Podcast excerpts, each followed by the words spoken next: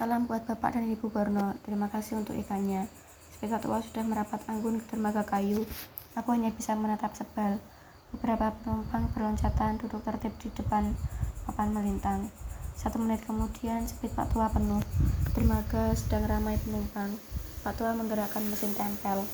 Sekejap perahu itu sudah membelah aliran sungai Kapuas menuju seberang, meninggalkanku yang berdiri sendiri.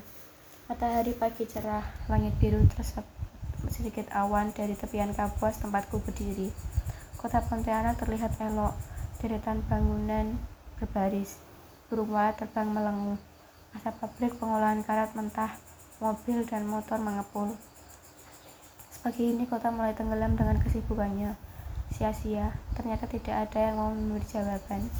Nah, tapi dari semua hal aneh yang sibuk kupikirkan sejak kecil yang terkadang membuat orang sekitarku kehabisan kata, Jengkel karena nyatanya tidak ada yang bisa mengalahkanku memikirkan hal itu, menanyakan tentang itu. Kalian mau tahu soal apa? Apalagi kalau bukan soal cinta.